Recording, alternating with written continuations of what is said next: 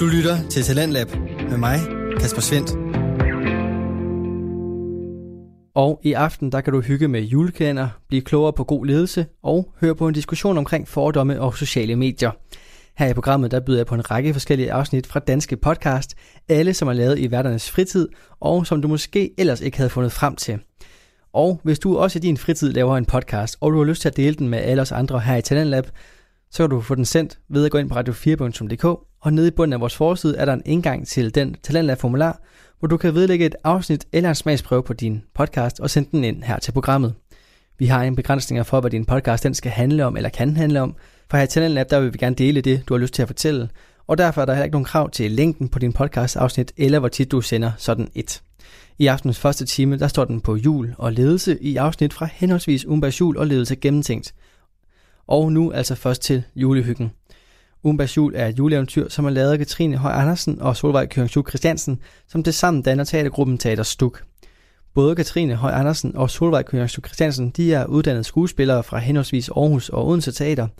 Men nu der er de altså sprunget fra scenen og om bag mikrofonen her i podcastserien.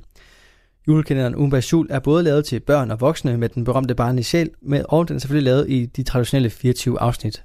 Og her der får du altså afsnit 17 og 18 fra Umbas Jul.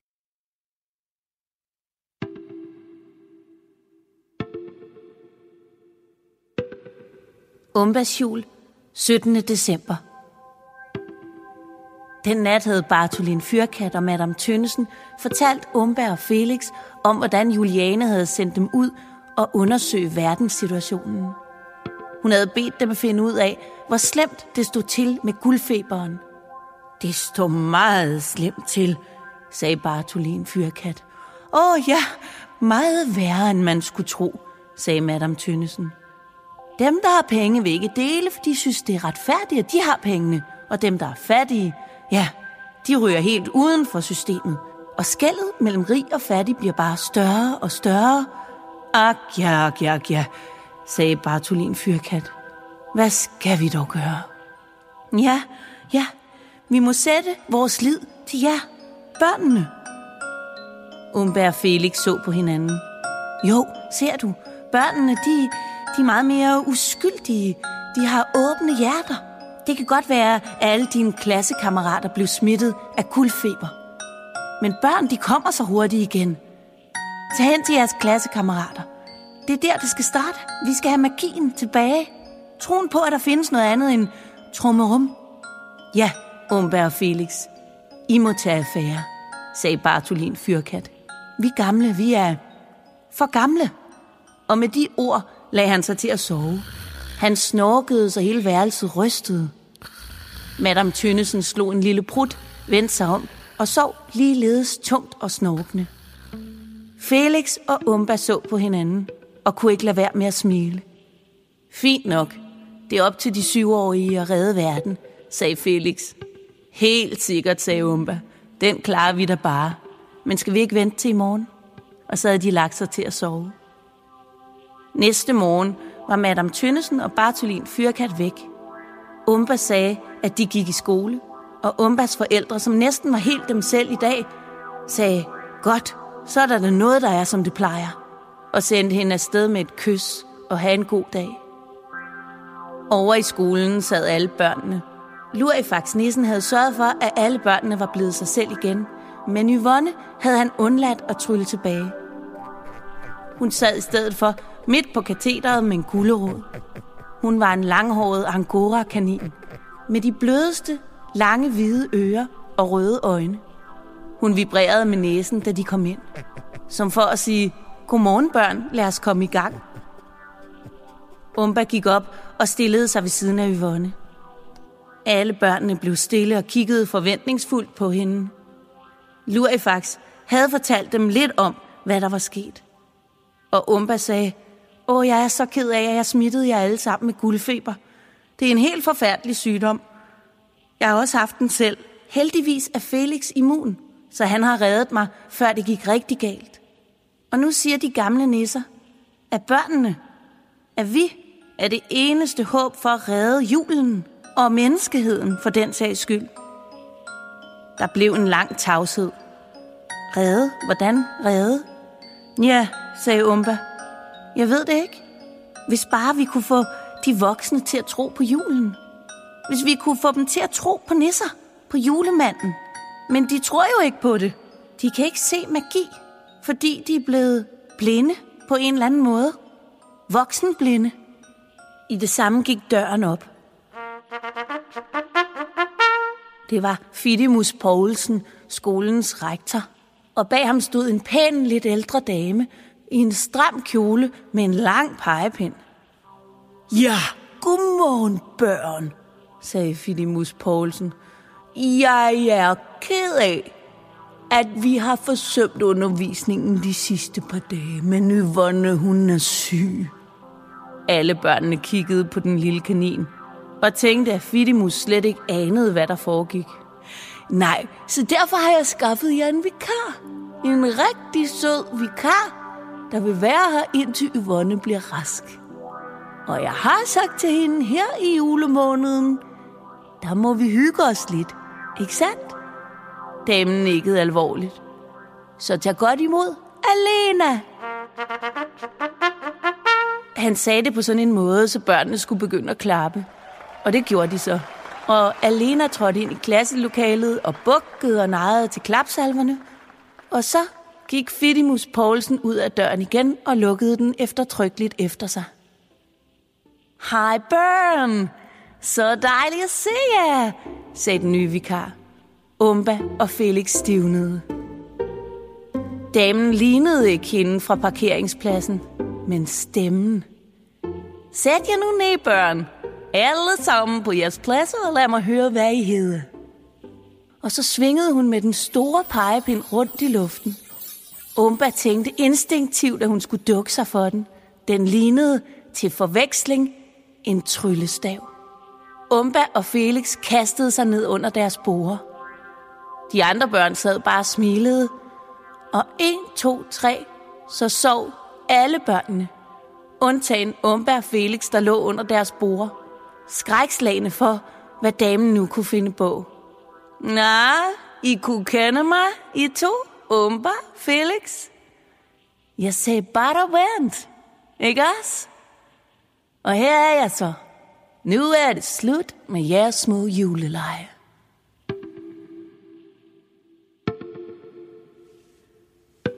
Her slutter dagens afsnit af Umbas jul. Umbas jul er digtet og fortalt af Katrine Høj Andersen. Lyddesign og klip af Solvej Kyungsuk Christiansen.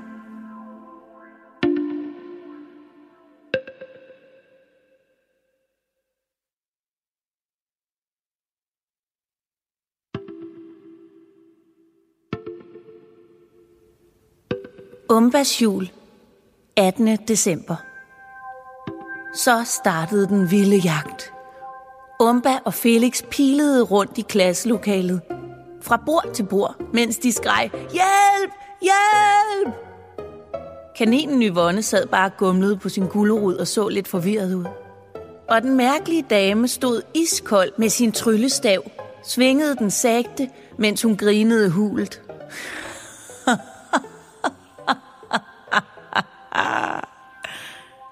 Hun var skrækindjagende.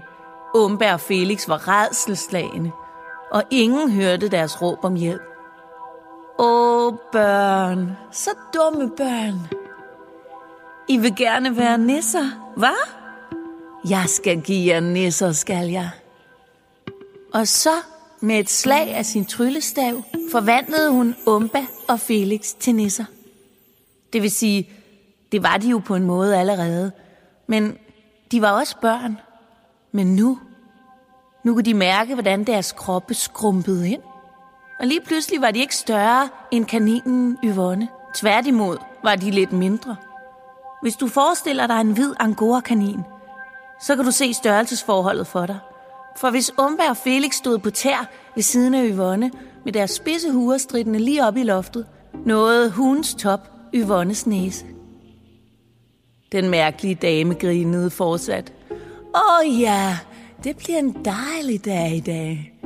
Vi skal rigtig hygge os. Så slog hun på bordet med pegepinden, og vupti stod der sådan en slags rulleindkøbsvogn, som gamle damer bruger. Så slog hun sig for panden med to slag, og vupti, var hun forvandlet til en gammel bedstemor, som umiddelbart så helt utrolig sød ud, men Umba og Felix kunne se i hendes øjne, at det var hun slet ikke. Og selvom nisser kan løbe hurtigt, så var det ingen sag for hende at fange dem ind nu. Hun tog og stoppede dem ned i tasken. Til sidst tog hun Yvonne i ørerne og sagde, jeg elsker kaninsteg.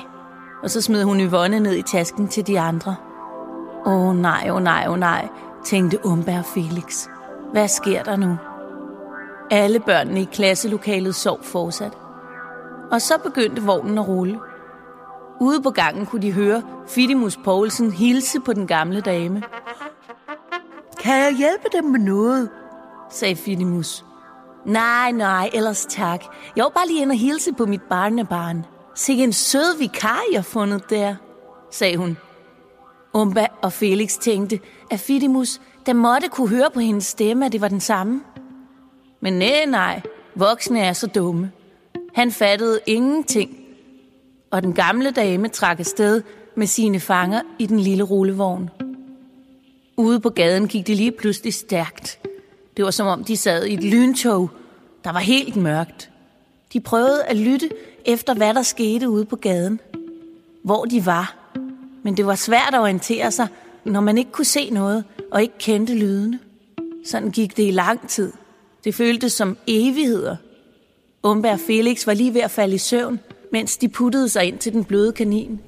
Da turen lige pludselig fortsatte nedad. Ned, ned, ned, ned, ned. Som om de kom helt ind til jordens indre. Og der blev tasken efterladt. Man kunne høre nogle underlige drøb udenfor. Hvor er vi? sagde Felix.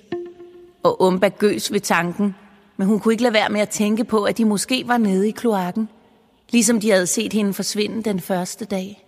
Felix sagde, det er ærgerligt, at Yvonne ikke kan hjælpe os. Hun ville vide, hvad man skulle gøre.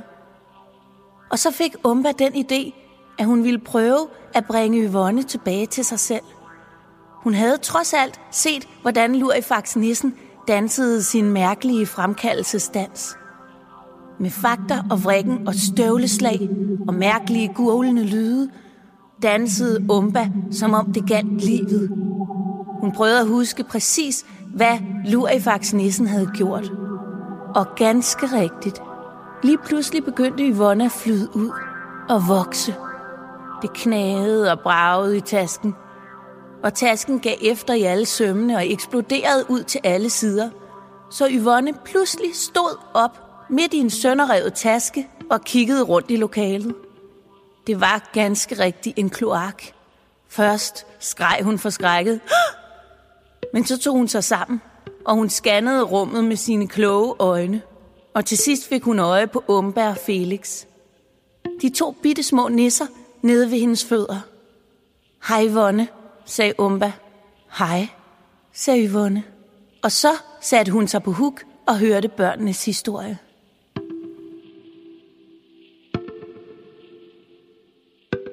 Her slutter dagens afsnit af Umbas jul. Umbas jul er digtet og fortalt af Katrine Høj Andersen.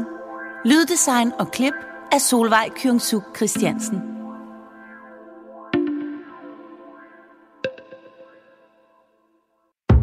Radio 4 taler med Danmark. Og hvis du ikke kan vente med at høre de resterende afsnit af julekalenderen, så kan du finde dem inde på Teaterstuks hjemmeside. Nu der skal du lytte til noget mere voksent, hvis jeg må tillade mig at sætte Umbas jul i kontrast til det næste, du skal høre. For podcasten Ledelse Gennemtænkt, den dykker ned i de emner, som god ledelse kan byde på. Her der er det verden Jakob Lindeberg, som taler med forskellige chefer, CEOs, virksomhedsejere blandt andre, for at undersøge, hvordan god ledelse egentlig kan se ud.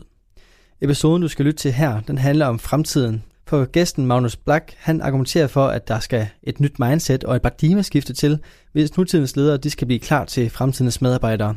Helt konkret den kommende generation Z, som man kalder dem, der er født mellem først i 90'erne og sidst i 0'erne. Det afsnit, det skal du høre her. Det kan jeg sagtens. Jamen, jeg hedder Magnus Stavitski Black, og jeg er til daglig direktør i øh, ledelsesværktøjet Duo, som er et softwareværktøj, som øh, hjælper ledere med at øh, med at lede sine medarbejdere på en god øh, og moderne måde. Mm. Og officielt set så er vi det, der hedder et performance management værktøj. Og, øh, og det er jo øh, det her performance, det er jo et meget spændende begreb i dag, fordi det er jo, det er jo meget mere og andet end blot sådan nogle økonomiske målsætninger. Det tror jeg, det er også noget af det, vi skal måske snakke lidt om i løbet af podcasten på flere forskellige måder. Hvad er, hvad er det egentlig i dag at være at bidrage ind til, til arbejdspladsen? Hvordan, hvordan gør man det på, på en ny og anden måde, end man måske gjorde for 5 eller 10 år siden? Mm.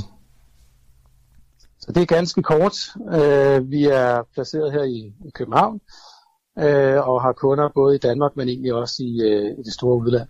Ja, jamen perfekt. Og jeg kontaktede jo dig, fordi jeg stødte på en kronik på, på børsen med overskriften Danske virksomhedsledere er ikke klar til Generation Z.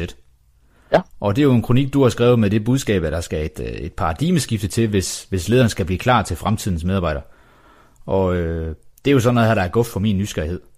Og øh, du sagde jo heldigvis ja til at medvirke, så vi lige kan komme, øh, komme lidt til bunds i det her. Øhm, men allerførst, lige for at forstå den kommende generation, hvad er det egentlig, Generation Z forventer af deres ledelse og arbejdsplads? Jamen, øh, jeg tror, vi har med en generation at gøre, som jo er øh, sindssygt dygtige, øh, ambitiøse, men også rigtig meget drevet af, af nogle, måske nogle andre ting end, end, end tidligere generationer meget mere drevet sådan af mening og øh, personlig udvikling, øh, og noget, hvor øh, et job, det er mere andet end blot at sidde bag et skrivebord i 40 år. Mm. Og det er jo måske en, en generation, som øh, forventer, at når man træder ind som medarbejder, jamen, så, øh, så, så, så skal den virksomhed eller organisation, man træder ind, den skal også være moderne, og den skal også øh, have noget, øh, noget mening, som, som man kan købe sig ind i som, som medarbejder. Mm. Jeg tror, det her med bare at tjene penge, det tror jeg sådan set er passé, eller ved at blive passé. Og øh, en af de ting, som man ligesom kan have som datapunkter for at, at, at bakke det op, det er jo for eksempel, at hele den her låneøkonomi, den bliver stærkere og stærkere. Altså det her med, at man, man låner en bil, eller leaser en bil, eller sætter sig ind i en bil og betaler per minut. Og det samme med øh, drømmen om, eller ønsket om at få en bolig og et realkreditlån, det bliver måske også sværere og sværere. Øh, alt, kan, alt kan lånes, sofaen kan lejes, og cyklen kan lejes osv. Men det, og det gør jo også, at man ikke har de samme øh, afhængighedsforhold til en fast indkomst, end man havde øh, tidligere. Og det giver, det giver måske nogle andre tanker om frihed, og nogle andre tanker omkring, hvad det er, man vil bruge sit liv på. Og her der tror jeg, at, øh, at det med at arbejde, det spiller en anden rolle, hvor det er ligesom en del af ens personlige fortælling. Og hvis den del, den ikke ligesom spiller med de andre elementer i ens liv, så kommer der sådan en, øh, så kommer der sådan en gap. Og det er der, jeg tror, der er nogle øh, organisationer, de, øh, jeg tror ikke helt, de har zoomet nok ind på, hvor, hvor meget det egentlig betyder. Det her med at kunne stille et community eller øh, nogle øh, ting til rådighed, øh, immaterielle ting, en kultur til rådighed, som man som øh, moderne, ung generation Z-medarbejder øh, føler, at man kommer ind et sted, som passer til ens øvrige liv. Så det der work-life balance, det ser jeg mere som sådan en work-life blending, at ens arbejdsliv, det skal passe til ens øh, privatliv. Det, det er to sider af samme sag. Det er ikke noget, hvor man skal balancere det som sådan, hvor at man kan sige, hvornår får jeg øh, tid til arbejdet 8-4. Det er mere noget, der går ind i hinanden på en meget mere sådan dialogisk måde. Og, og det er lige der, jeg sådan set tænker, at det er der, der skal et paradigmeskift til. Fordi hvis man bare tror, at man skal ændre lidt hist og pist, øh, og måske tilbyde sådan en fleksibel øh, mødetid, eller det, det, det tror jeg simpelthen ikke er nok. Det, det er faktisk et, et mindset eller en helt tankegang om, hvad det er, man tænker, at arbejde er for de kommende generationer. Det, det er det, der gør, at det også bliver et ledelsesmæssigt paradigmeskift. Mm. Men altså har det ikke altid været sådan, at den at den næste generation har forventet mere end den, end den forrige? Altså kan man ikke godt bare læne sig tilbage og tænke, jamen det skal sgu nok gå, det har det jo altid gjort. Øh, nej, det mener jeg faktisk grundlæggende ikke. Jeg tror ikke, det går den her gang. Øh, jeg tror øh, faktisk, at man øh, bliver nødt til at øh, tænke på det øh, ret alvorligt. Øh, man kan sige, de virksomheder, vi har i Danmark, de er jo meget båret af, af viden og innovation og mennesker, som er klar på at nytænke. Og det går faktisk på tværs af softwarefirmaer, detailhandel, øh, produktionsvirksomheder osv. hvis man skal blive ved med at, at være i front i en global konkurrence, jamen så nytter det ikke noget at bare gøre det samme lidt bedre eller lidt hurtigere. Så skal man have nogen, der sådan set er, har mod til at gøre noget helt andet. Og, og mod, det, øh, det kræver også noget risikovillighed. Øh, og man kan sige, den generation, der kommer ud nu, og er på arbejdsmarkedet, eller nu snakker vi om generation Z, men, men den næste generation, det er jo generation A, som måske er født fra 2004 og frem. Det er jo nogle af dem, som i deres gymnasietid måske allerede stifter deres første firma, øh, og øh, har tanker på miljø og klima, og øh, hvilken indflydelse vi egentlig har på vores øh, samfund, og, og, og hvad, er, hvad er det for et footprint, vi, vi, vi giver som mennesker på jorden. Mm. Jamen altså, hvis ikke, man, øh, hvis ikke man tager den information ind, og de trends ind, øh, som vi kan se foregår blandt den her generation, så tror jeg, at, øh, at de virksomheder, der ikke gør det, jamen de vil, få, de vil nok bare få mere af det samme og gøre, gøre mere af det samme, og de vil måske være dygtige til at optimere en proces, eller gøre noget lidt hurtigere eller lidt billigere. Men hvis man skal bryde den lineære kurve og lave et reelt hop på kurven, så skal man gøre så skal man gøre noget helt andet. Så skal man have nogle folk, der, der, der tør gøre noget helt andet.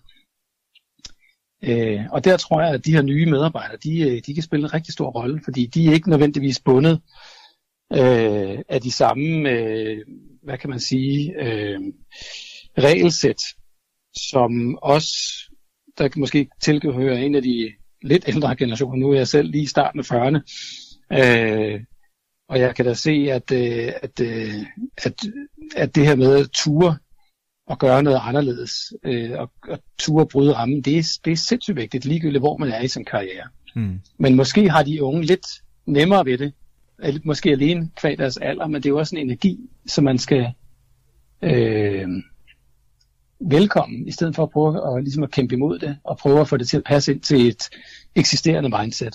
Mm. Lige for at få det helt på plads, hvornår træder Generation Z ind på, på arbejdsmarkedet? For alvor? Altså Z, Z, de er her allerede. De er der allerede. De er i fuld sving med at befolke vores organisationer. Øh, så så det, er jo de, det er jo de alle de unge i, i 20'erne, som, som er færdige med øh, deres uddannelse, om det så er kortere eller længere uddannelser. Så det er dem, vi alle sammen vel, vel, byder velkommen nu mm. øh, i starten af 20'erne.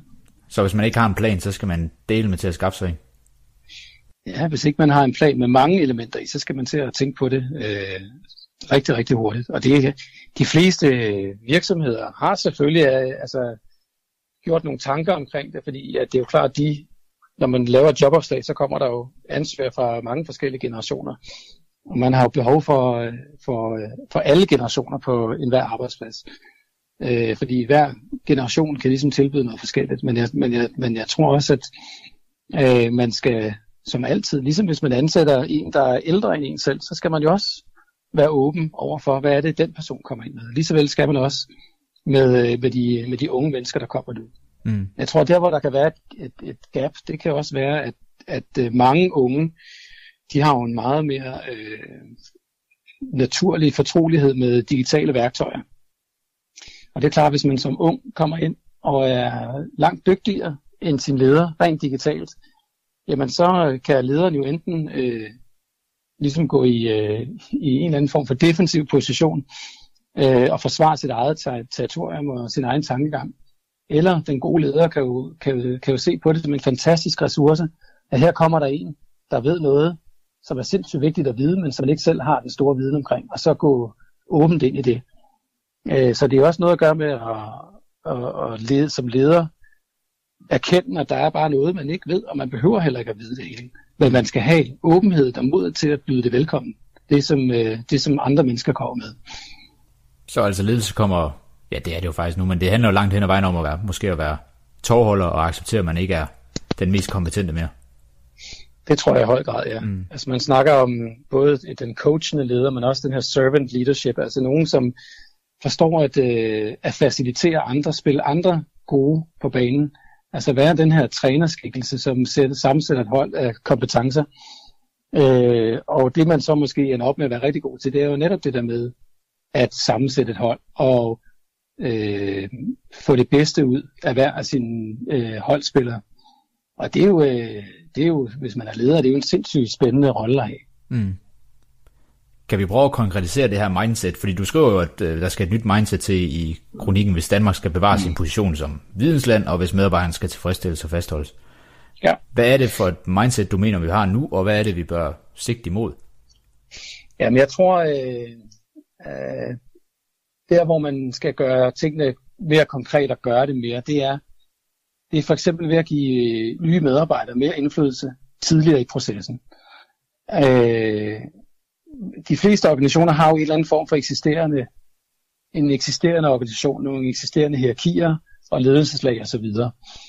Øh, og der tror jeg, at man med fordel kan øh, ryste den pose og sige, at øh, der kommer nogle folk ind med nogle andre egenskaber, som ikke nødvendigvis passer ind til det, den eksisterende model.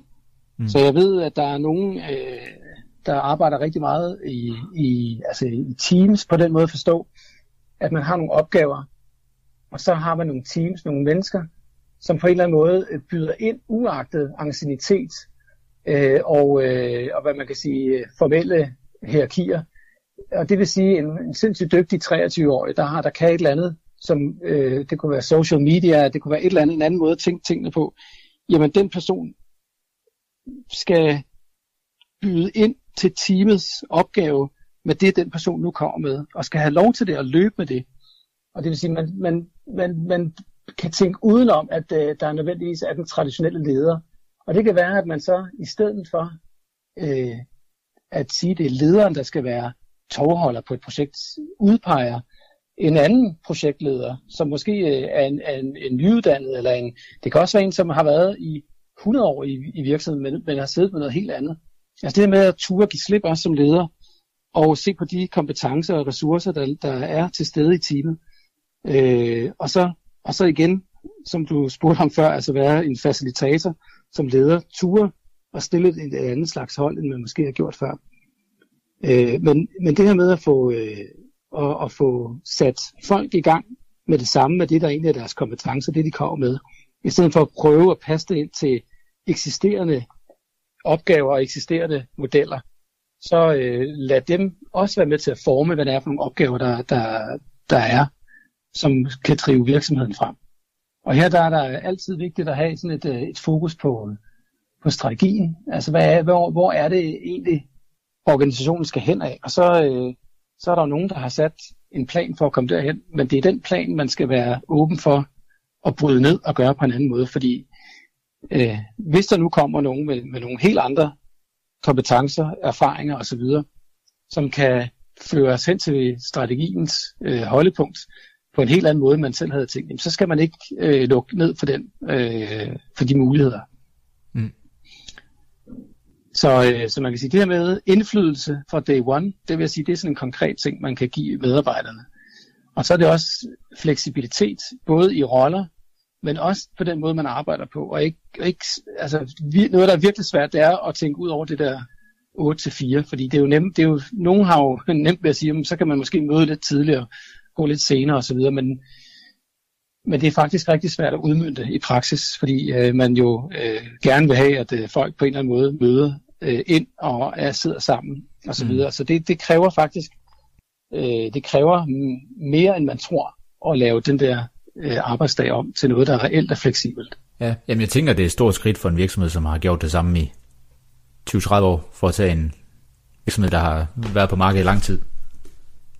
Ja, og jeg, og jeg, og jeg kan bare se, at det, det er rigtig vigtigt og, øh, at få de talsat og få givet nogle muligheder, fordi ellers så dribler, så dribler de her medarbejdere videre. Øh, fordi som sagt, så er jobbet det er ikke nødvendigvis sådan en nødvendighed, for der er ikke nogen lån, der skal afbetales. Øh, så det er mere med, om, man, om, om, om jobbet egentlig betaler til den livsstil, man nu har valgt øh, at have. Og der er nogle meget spændende koncepter, øh, hvor øh, man for eksempel kan arbejde for en virksomhed i Danmark, men tage fire uger til øh, Lima for eksempel og sidde i et netværk, Hackers Paradise for eksempel, øh, hvor man så sidder en lang række medarbejdere fra hele verden og arbejder for hver deres organisation. Og der sidder man ved, øh, et eller andet sted, et sted i verden, hvor der er stillet noget internet til rådighed. Og i øvrigt, så kan man jo øh, i den tidszone, du nu sidder i, gå ud og bestige bjerge og se lokale landsbyer, men samtidig arbejde ind og, øh, med, med opgaver til virksomheden. Og det er jo noget, hvor man kan sige, det kan jo, øh, det kan jo virkelig udfordre hele konceptet også af, hvornår holder vi ferie, hvornår er vi på arbejde, hvornår stempler man ind, hvornår stempler man ud. Øh, og der er det her med, jamen, øh, hvad er det, der skal løses? Hvad er det for en strategi, vi, vi prøver at få løst? Og så, og så have mod til at, at kigge på det, i stedet for at kigge på øh, den her FaceTime på kontoret, altså hvor man hvor arbejdets kvalitet nærmest bliver målt i, at, øh, at man sidder 8 timer bag, øh, bag et skrivebord. Mm. Og det er meget lettere sagt end gjort. Og der er også nogle steder, hvor det er, det er nemmere sagt end gjort. I detailhandlen er det selvfølgelig sværere at sige, at man kan arbejde remote, hvis der skal fyldes varer op. Eller ja, der skal jo sidde nogen ved kassen også. Så, Lige præcis. Men ja. det kunne være, at man kunne give noget frihed til for eksempel nogle uddannelseselementer på en anden måde, øh, end, end, man, end man måske øh, tænker det i dag. Ja, perfekt. Jamen, øh, det virker jo til, at lederne, vi skal, at vi ledere, vi skal klædes på, sådan næsten helt forfra igen lyder det. Ej, selvfølgelig ikke helt forfra, men... Altså, men jeg, jeg tror egentlig bare, hvis man, sådan, hvis man sådan forestiller sig, at du står foran et, et helt menneske, som gerne vil leve et helt liv, og at arbejdet, det er jo noget, som på en eller anden måde tager noget tid fra os, tager noget frihed fra os. Hvis man så tænker på, hvis man stod over for et menneske, som man kendte personligt og elskede, hvordan vil man så øh, behandle det menneske, sådan at, øh, at, at det job, man har, det er også bidrog til ens øvrige liv. Jeg tror, det er sådan lidt, man skal tænke på det. Øh, og, øh, og så det her med, at vi, vi har kun vores medarbejdere til låns. Det er nogen, vi, øh, vi, øh, vi får lov at låne deres, det mest dyrebare, de har, og det er deres tid. Mm. Og den tid, den skal vi respektere, og vi skal prøve at gøre det så øh, relevant for dem at bruge deres tid i den organisation, vi nu er leder for. Men jeg har jo tidligere snakket med, med apropos at klæde lederne på. Øh, jeg har tidligere snakket med uddannelseschefen hos, hos lederne, øh, fagforeningen og A-kassen der, øh, som kunne fortælle ud fra en undersøgelse, at hver femte leder ikke er uddannet, og tendensen mm. den ser altså ikke ud til at vende lige forløbig.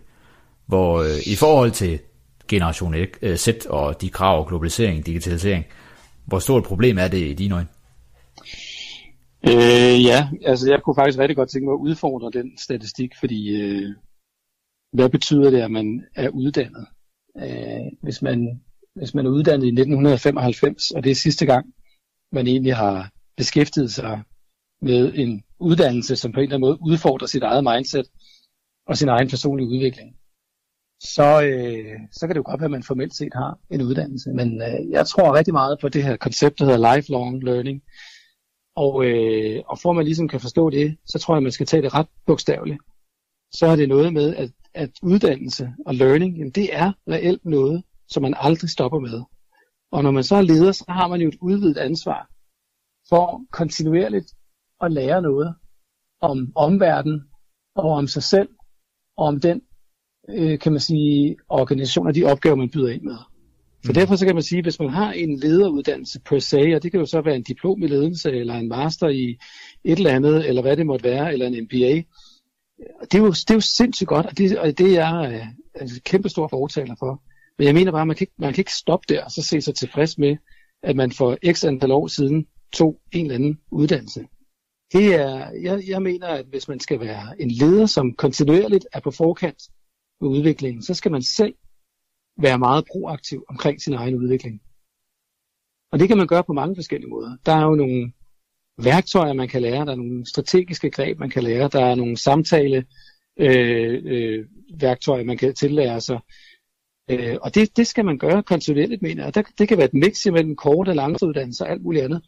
Men så tror jeg også, man skal virkelig huske det her med personlig udvikling, fordi at man som leder det, som er en af, af hovedopgaverne som leder, det er jo netop at kunne udvikle sine medarbejdere på det stadie, de selv er på. Og hvis man ikke selv er bevidst om sin egen udviklingsstadie, og hvor man, øh, hvad man, øh, hvor langt man er på sin egen rejse, så er det rigtig svært at udvikle sine egne medarbejdere. Så derfor så kan man sige, at den her lifelong learning approach, hvor man hele tiden ser sig selv øh, i en proces, hvor man er i gang med at få flere og flere indsigter. Hvis ikke man gør det, så, så kan man simpelthen ikke lykkes med at tiltrække de bedste medarbejdere, fordi de bedste medarbejdere, de dygtigste medarbejdere, de forventer at blive stillet over for en person, som er på et udviklingsstadie, som er højere end en selv, som i hvert fald kan byde ind med noget mere og andet, end man selv besidder. Og derfor så bliver det jo øh, så bliver det en, øh, det bliver en, en ren, ren menneskelig og personlig opgave også, at tage sig selv alvorligt og, og stille sig foran nogle elementer i livet, som, som udvikler en. Og det kan jo være alt fra formelle uddannelser til en, en, øh, en, en øh, og hvad hedder de her øh, lange øh, gåture, man gør i, i øh, Camino Walks, og hvad, hvad vi pokker det hedder. Det kan være alt muligt, der gør, at man på en eller anden måde får sig selv ud over kanten og, og presser sig selv til at, at lære nye sider af sig selv. Mm. Øhm, så, øh, så man kan sige, 20 procent, som du siger, er ikke uddannet. Det er, det er jo et kæmpe problem i sig selv.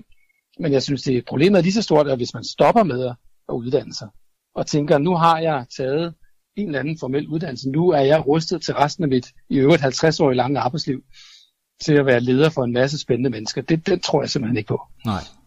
Men mener du, at det her, øh, jeg ved ikke, hvor stor kendskab du har til lederuddannelserne i dag, men mit generelle indtryk er, at der er for lidt omkring at blive uddannet i, i personlig udvikling, som du arbejder med. Er det også noget, du genkender? Øh, ja, det vil jeg sige. Øh, nu, øh, nu kender jeg både uddannelserne indfra og udefra. Øh, jeg sidder både i øh, udvalg, som evaluerer masteruddannelser, og selv også en ivrig øh, deltager i masteruddannelser. Og jeg tror, der er rigtig mange, som har fokus på de traditionelle værktøjer, altså økonomiske værktøjer, øh, og udvikle dem. Og der er rigtig mange uddannelser, som, som, som tror, man kan lave personlig udvikling øh, overnight og med to-tre sessioner osv. Personlig udvikling, det er jo en kæmpe opgave, og det er noget, som, som kræver et langt øh, blik og et langt fokus. Så jeg tror, det er, der, der, hvis det er det, der ligesom er din øh, hypotese, at det er underprioriteret, så vil, jeg, så vil jeg i hvert fald være enig i, at det er underprioriteret i de fleste lederuddannelser. Mm. Og det er noget, som er sindssygt vigtigt, fordi man kan sige, at mange af de her ting, øh, de bliver jo automatiseret, og der kommer flere og flere hjælpeværktøjer til de økonomiske dele af lederuddannelser, hvor det, der aldrig bliver automatiseret, det er jo den her interaktion mellem øh, to mennesker. Øh, og, og selvindsigten, altså øh, de, de ting, der foregår inde i en selv. Og det vil sige, det er jo noget, som øh, en uddannelse kan hjælpe til at, øh, at gøre en i stand til at, at, at, at forbedre hos sig selv. Øh, og, og derfor så, så kan man sige, at mange ledelsesuddannelser er måske lidt reaktionære, lidt gammeldags, fordi de netop fokuserer på ting, som, øh, som, øh, som automatisering og digitalisering måske kan hjælpe med hvor det, som står tilbage, det er jo den der forståelse mellem mennesker og teknologi, og mellem samspillet mellem mennesker. Og det, det kræver altså, det kræver, at man, man bliver trænet i det, man bliver sat i situationer, hvor øh, man øh, udvikler den muskel, og kunne, kunne, øh, kunne forstå alle de ting, der foregår under overfladen mellem mennesker. Mm. Okay. Øhm, så præsenterer du nogle konkrete initiativer i, øh, i kronikken, som du mener ikke som, eller jeg siger lige, virksomhederne bør indføre med det samme. Øhm, ja. Og hvis vi tager nogle af dem her, så skriver du, at for det første, så skal der moderne digitale, digitale mm. værktøjer til at lede moderne medarbejdere, og målstyring, yes. samtaler og udvikling skal ligeledes også digitaliseres. Mm. Er vi simpelthen for dårlige til at imødekomme digitaliseringen ude i virksomheden? Ja, det er i virkeligheden, jeg tror, der er i virkeligheden, der, der er lige de to, eller er det faktisk to, to, to forskellige, men alligevel også parallelle. Mm. Øh, det ene er, at øh, jeg tror, der er et kæmpestort gap imellem de tools, man møder i sit privatliv, som jo er moderne, øh, altså apps, som er jo meget fokuseret på en customer experience, altså at gøre det nemt og godt og brugervenligt at bruge de her tools. Og mange tror jeg oplever, når de så kommer til arbejdspladsen, så bliver de præsenteret med, med en helt anderledes gammeldags øh, øh, tech stack, eller hvad man kan sige, af, af forældede værktøjer. Og det vil sige, når man så kommer som ung, moderne medarbejder, eller, øh, i, eller ikke ung, men, men, er lige, men, men digitalt orienteret medarbejder, og bruger Airbnb og Momondo og øh, Spotify, alt mulig teknologi, som bare fungerer smadret godt. Og så kommer man til sin arbejdsplads, og så ligner det noget fra 1986, det man så lokker på med drop-down-menu og det ene og andet. Så tror jeg, så tænker man allerede der, er det overhovedet her, jeg ser mig selv?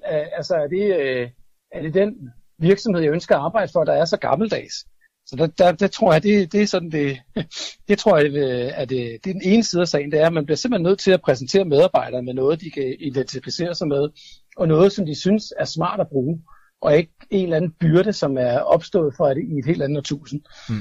Øh, og det andet, du peger på, det er det her med, at øh, jamen, målstyring og samtaler øh, og udvikling osv., skal det digitaliseres? Jamen det mener jeg faktisk, fordi jeg tror, der er noget demokratisk i det, og der er noget transparens i, at det, man bliver præsenteret for som medarbejder, det er best practice. Det skal sgu være i orden, og det skal ikke være så personafhængigt, at får man en skidegod leder, så får man også skidegode samtaler, og, øh, og transparens omkring øh, sin rolle og sine mål og alt muligt. Men får man en mindre god leder, jamen så får man ikke alle de her ting. Og derfor så mener jeg, at der er ud fra sådan et, et, øh, et, øh, et både demokratisk, men egentlig også et optimeringsprincip i, at øh, hvis vi kan præsentere vores ledere med nogle værktøjer, som gør, at de bliver den bedste version af sig selv, ligegyldigt om de kommer med en lang lederuddannelse og en kontinuerlig fokus på, på udvikling osv., eller hvis man ikke gør, eller hvis man lige er blevet forfremmet fra en eller anden specialistrolle, og skal have et team med fem lige pludselig, jamen hvad fanden skal man gøre? Og der tror jeg, at nogle af de her tools, som blandt andet vores egen, jamen de kan gå ud og, og bidrage til, at alle får øh, øh, et, nogle værktøjer til at, at lave en, altså man kunne kalde det for for meget høj bar, øh, minimumsbar af ting. Altså den bedste måde at sætte mål på, den bedste måde at drive samtaler på, den, den bedste måde at, at give udviklingsressourcer på osv., den skal da være tilgængelig for alle. Det skal da ikke kun være et fortal. Dem, der lige er, er heldige at få den dygtigste leder. Og der, dertil, dertil tror jeg også, at der, man kan sige, der er også et optimeringspotentiale i, at øh, man kan sige, det er super vigtigt at uddanne alle sine medarbejdere. Men der er jo også noget, hvor teknologien kan hjælpe til at stille noget til rådighed øh, for alle, sådan at, øh, at alle medarbejdere bliver mødt med, med, med en super god pakke af ting. Mm. Men helt perfekt. Så skriver du også, og det er jo noget, der ligger øh, mit hjerte lidt nært det her, øh, på den måde, at jeg tænker, jamen der trænger virkelig til noget nytænkning her. Du skriver, at mus-samtalen, den skal aflives. Mm. Ja. Og der er brug for løbende sparring og alt andet af gammeldags. Yes. Kan du ikke lige forklare, hvorfor vores mus-samtale, den er gammeldags? Jamen øh, faktisk er mus-samtalen jo en rigtig, rigtig god samtale. Medarbejderudvikling samtale. Super godt. Konceptet og så blev den endda skrevet ind i uh, vores overenskomster, sådan at, uh, at vi bliver lovet en, en minimum kadence på en hver år. Og det har man jo så udmyndtet og fortolket på den måde, de langt de fleste steder, at det, der egentlig startede med at være minimum, det blev til netop et år. Og, uh, og det kan man sige, den her gode samtale med alle de gode intentioner, der lå i samtalen, det var jo netop at have fokus på, hvor er medarbejderen? Hvor vil man gerne udvikle sig hen? Hvordan passer man ind til teamet, til virksomheden? Hvad kan man bidrage med? Hvilke kompetencer har man osv. En smadret god samtale. Men ligesom med alle andre møder, hvis man kun holder møde en gang om året, så kommer der jo til at være et kæmpe, kæmpe efterslæb. Fordi man skal faktisk nå at diskutere et helt års øh, udvikling, et helt års øh, udmyndning af opgaver, et helt års ud, øh, hvad hedder det, indgåen i teams osv. osv. Og det bliver, jo, øh, det bliver jo absurd, det kan man jo ikke nå i en samtale. Og derfor så tror jeg, at det man, det man kan gøre, det er at sige, at den her medarbejderudviklingssamtale, den er faktisk rigtig god. Og når noget var godt, så kan man jo overveje at gøre noget mere af det. Øh, og det vil sige, lad os aflive den i den årlige forstand, men lad os reinstallere den i en helt anden øh, hyppighed. Altså vi, mange af vores kunder, de kører faktisk øh, 14-dages samtaler. Det vil sige, at hver 14. dag, der sidder man sammen med sine medarbejdere to mennesker, som begge to er interesseret i det bedste for, for virksomheden, i det bedste for medarbejderne, og snakker om, du ved, hvad har man opnået, hvad er udfordringerne, hvor kunne man tænke sig at bruge sine kræfter de næste 14 dage, eller næste måned, eller hvad det måtte være. Og det vil sige, så griber man jo fat i, øh, i mere end blot øh, fortiden. Man griber også fat i nutiden, og man griber også fat i fremtiden. Og derfor så kan man sige, i og for sig er der ikke noget galt med mus-samtalen men der, det er egentlig frekvensen, der er noget galt med. Hvis man mm. gjorde det meget hyppigere, øh, så tror jeg også, man ville få trænet muskel i at lytte til sine medarbejdere, øh, og få udviklet medarbejderne, og få lavet den intellektuelle sparring, det er, og det er spændende felt at sidde med øh, en anden intelligent menneske, som er interesseret, interesseret i de samme ting, som man selv er, netop de her ting, man prøver at løse på arbejdspladsen. Så lad os aflive den, den årlige, men lad os reinstallere den i, i, et, i, i, et, i et format, hvor man får lejlighed til at, øh, at kigge meget mere på nutiden og fremtiden, også i stedet for blot på, på fortiden. Mm. Men kan man netop bruge jeres produkt til at sikre et, et moderne udviklingsforløb? Ja, altså vores, øh, vores øh, produkt, det er sådan en, hvad kan man sige, en samtale-enabler. Vi, øh, vi installerer øh, en, en kadence hos folk, altså en frekvens af, af samtaler, som enten kan være hver uge, hver måned, hver måned, nogen, øh, eller hver, hver anden øh, uge eller hver måned. Nogle har det også fire gange om året, det er stadigvæk bedre end en gang om året. Og det vil sige, at vi, øh, vores produkt hjælper så med ikke blot at få fastholdt, at det er noget, der er vigtigt at gøre, men også, hvordan får vi så lavet nogle rigtig gode samtaler? Altså, hvad er indholdet? Hvad skal man snakke om? Fordi, det ved du også som podcast-host, det tager faktisk rigtig lang tid at forberede sig til en samtale. Mm. Jeg har gjort mange tanker om, du ved, den person, man sidder overfor. Hvor er den person nu? Hvad er den persons interessefelt? Hvad arbejder medarbejderen på? Hvor, hvad snakkede vi om sidst? Og så videre. Og her der kan teknologien jo hjælpe med, ikke blot at få øh, planlagt møderne, men også at højne kvaliteten og de samtaleemner, som man så sidder og diskuterer øh, i de her øh, meget mere højfrekvensmøder. Og her der har, har Duo helt, helt konkret en kæmpestor spørgsmålsbank, som hjælper til at stille nogle spørgsmål, som er udfordrende, tankevækkende, reflekterende. Spørgsmål, som man måske ikke selv lige vil kunne komme op med. Øh, også hvis man så har for eksempel 10 eller 15 medarbejdere, og, øh, og gerne vil give det fokus, og så det at skulle holde, lad os sige, medarbejdersamtaler hver måned, og skulle sørge for, at den, det peger ind præcis i den person, man sidder sammen med, med de opgaver, den person har løst osv. Øh, der er det, at, øh, at, øh, at du kan hjælpe med og, øh, og ligesom at sammenfatte, hvad er det, man har siddet med og arbejdet på? Hvad kunne vi spørge om, som kunne være interessant, som kunne være udviklende, som kunne være motiverende, men også kunne hjælpe med at få afstemt rollen, afstemt opgaverne osv. Øh, så her der bringer vi altså teknologi ind som en enabler i samtalerne, men det er jo stadigvæk samtalen i sig selv, der giver værdien. Og så er det bare toolet, der på en eller anden måde gør, at, øh, at det bliver gjort, og at det bliver gjort med en høj kvalitet. Mm. Men nu er jeg lige den, den, den, den kyniske mellemleder. Jeg kender ret mange. Øh, yes. altså, jeg er slet ikke... Øh, jeg er helt for, at øh, vi skal fokusere mere på udvikling. Men den kyniske vil sige, jamen prøv at alt det fokus, jeg har på, på driften, det kan jeg ikke bare lægge frem og lægge over i, i udvikling. Så ryger bundlinjen, og så ryger mm. min ja, bonus, øh, var lige ved at sige. Yes. Øhm, altså er der ikke også behov for nytænkning? Øh, sådan hvad, altså lederens rolle i forhold til, til drift, og så det relationelle med medarbejderne?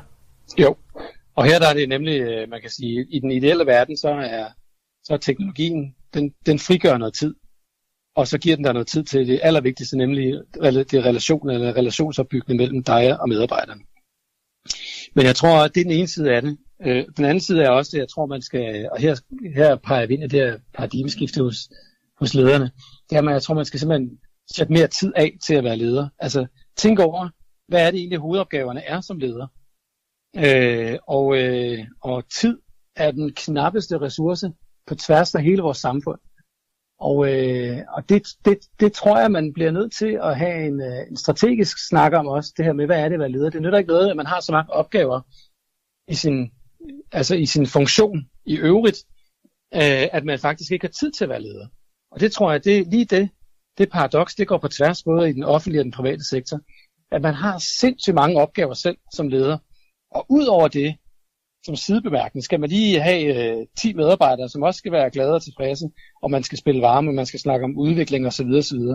Og der er simpelthen behov for, at man, man, man gør op med, at, at man tror, at, at lederen kan passe to jobs på én gang. Altså der må man sige, at hvis man har 10 medarbejdere, så er det jo langt mere produktivt, at de 10 medarbejdere, at de er sindssygt produktive og gode og innovative, end lige den kapacitet, man selv byder ind med i, øh, i det i, jeg kan sige, i, det, i den opgave, man også sidder med som leder, at den bliver udført. Hvis man, øh, hvis man kan forestille sig, at man kan få 20% mere ud af hver medarbejder ved at lede dem på en bedre måde, det, øh, det, øh, det dækker jo mange gange over det, kan man sige, tab i, i, i det, som lederens anden job også er, som, som, som, øh, som jo altid er til stede. Det er meget få mennesker, som kun er leder, hvis man kan sige det sådan. Mm. Man har jo altid sit eget område, man også, man også besidder. Men jeg tror, man kan, man, man, det kunne være frugtbart at, at gentænke lidt over, hvad er det egentlig hovedopgaven eller kerneopgaven er som leder.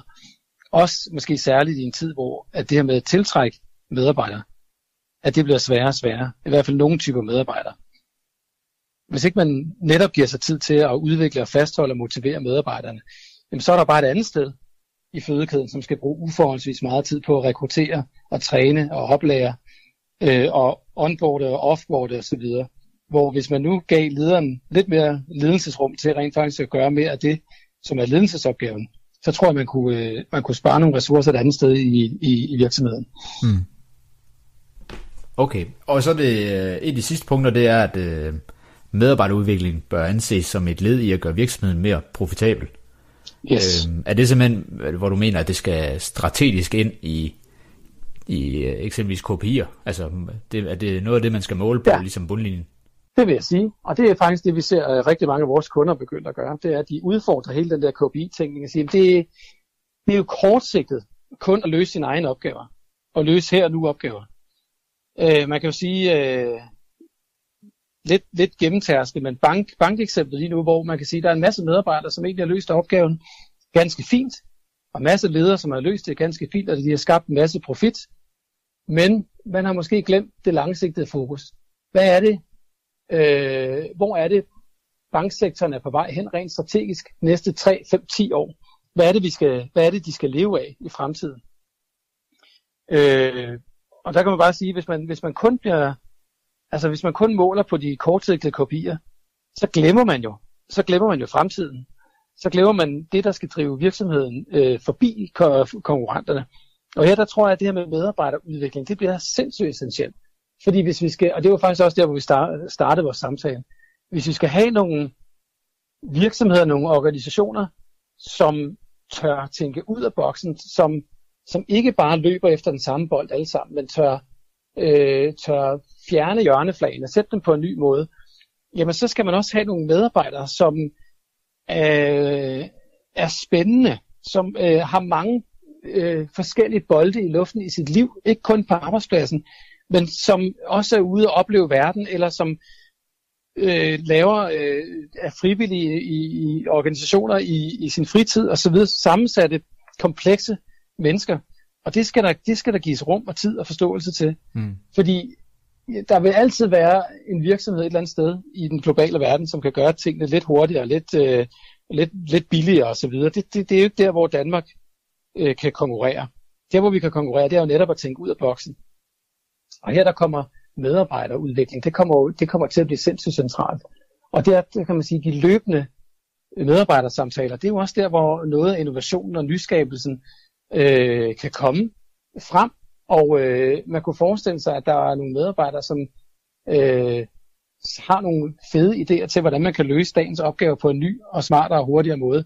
Men hvis de aldrig kommer til ord, hvis de aldrig får lov til at løbe med den idé og prøve det af, jamen så, så igen, som jeg startede med, så kommer man til at bare gøre det samme, og så kommer man til at optimere måske 2%, i stedet for at, at lave en helt anden procedure eller en helt anden øh, proces, end man egentlig havde forestillet sig. Så øh, ja, så medarbejderudvikling, det er noget, som skal tænkes ind, der skal gives tid til det, der skal prioriteres, øh, og, og man kan sige, at det, og, det, og det krav, det bliver ikke mindre og mindre, det tror jeg bliver større og større af en, af en forskellig række øh, faktorer. Føler du, at I er klar til, til Generation Z, eller sidder du også med lidt sved på panden lige nu? Jeg tænker, at nøglen er, at vi skal, stille, vi skal stille vilkår til rådet, som gør det attraktivt at arbejde under. Det gælder blandt andet inden for teknologi, hvor man eksempelvis øh, som virksomhed bør udnytte digitaliseringsmuligheder til blandt andet at systematisere og forbedre den årlige mus-samtale, således det i stedet bliver løbende sparring over hele året. Og igen bliver det nævnt, at meningen med arbejdet er det vigtigste, som jo også bare er en kæmpe opgave for os ledere at leve, at leve op til. Magnus selv mener også, at lederen af nu 2019 har brug for mere support. Generelt så udfordrer han jo ledere på alle niveauer i sin kronik og interview, du netop har hørt. Men nogle af de pointer, han har, har vi også hørt flere gange i den her podcast. Blandt andet, at du skal acceptere, at du ikke længere er den med de største kompetencer, og lade medarbejderne selv være chefer for deres egne projekter, hvor du så agerer tovholder og støtte. Ken Blanchett, som har skrevet utallige bøger om ledelse, har sagt følgende om det at være ydmyg. Når du som leder skal sætte andre mennesker først, er du nødt til at være ydmyg. Ydmyghed misforstås ofte som en svaghed, men dygtige tjenende ledere går samtidig benhårdt efter resultater på bundlinjen. Radio 4 taler med Danmark. Det var et afsnit af Ledelse Gennemtænkt med verden Jakob Lindeberg, og det var det sidste, jeg havde her i første time af aftens Talentlab. Mit navn det er Kasper Svendt, og jeg er så klar med et nyt fritidspodcast afsnit på den anden side af onsdagens sidste nyheder, og de kommer din vej nu.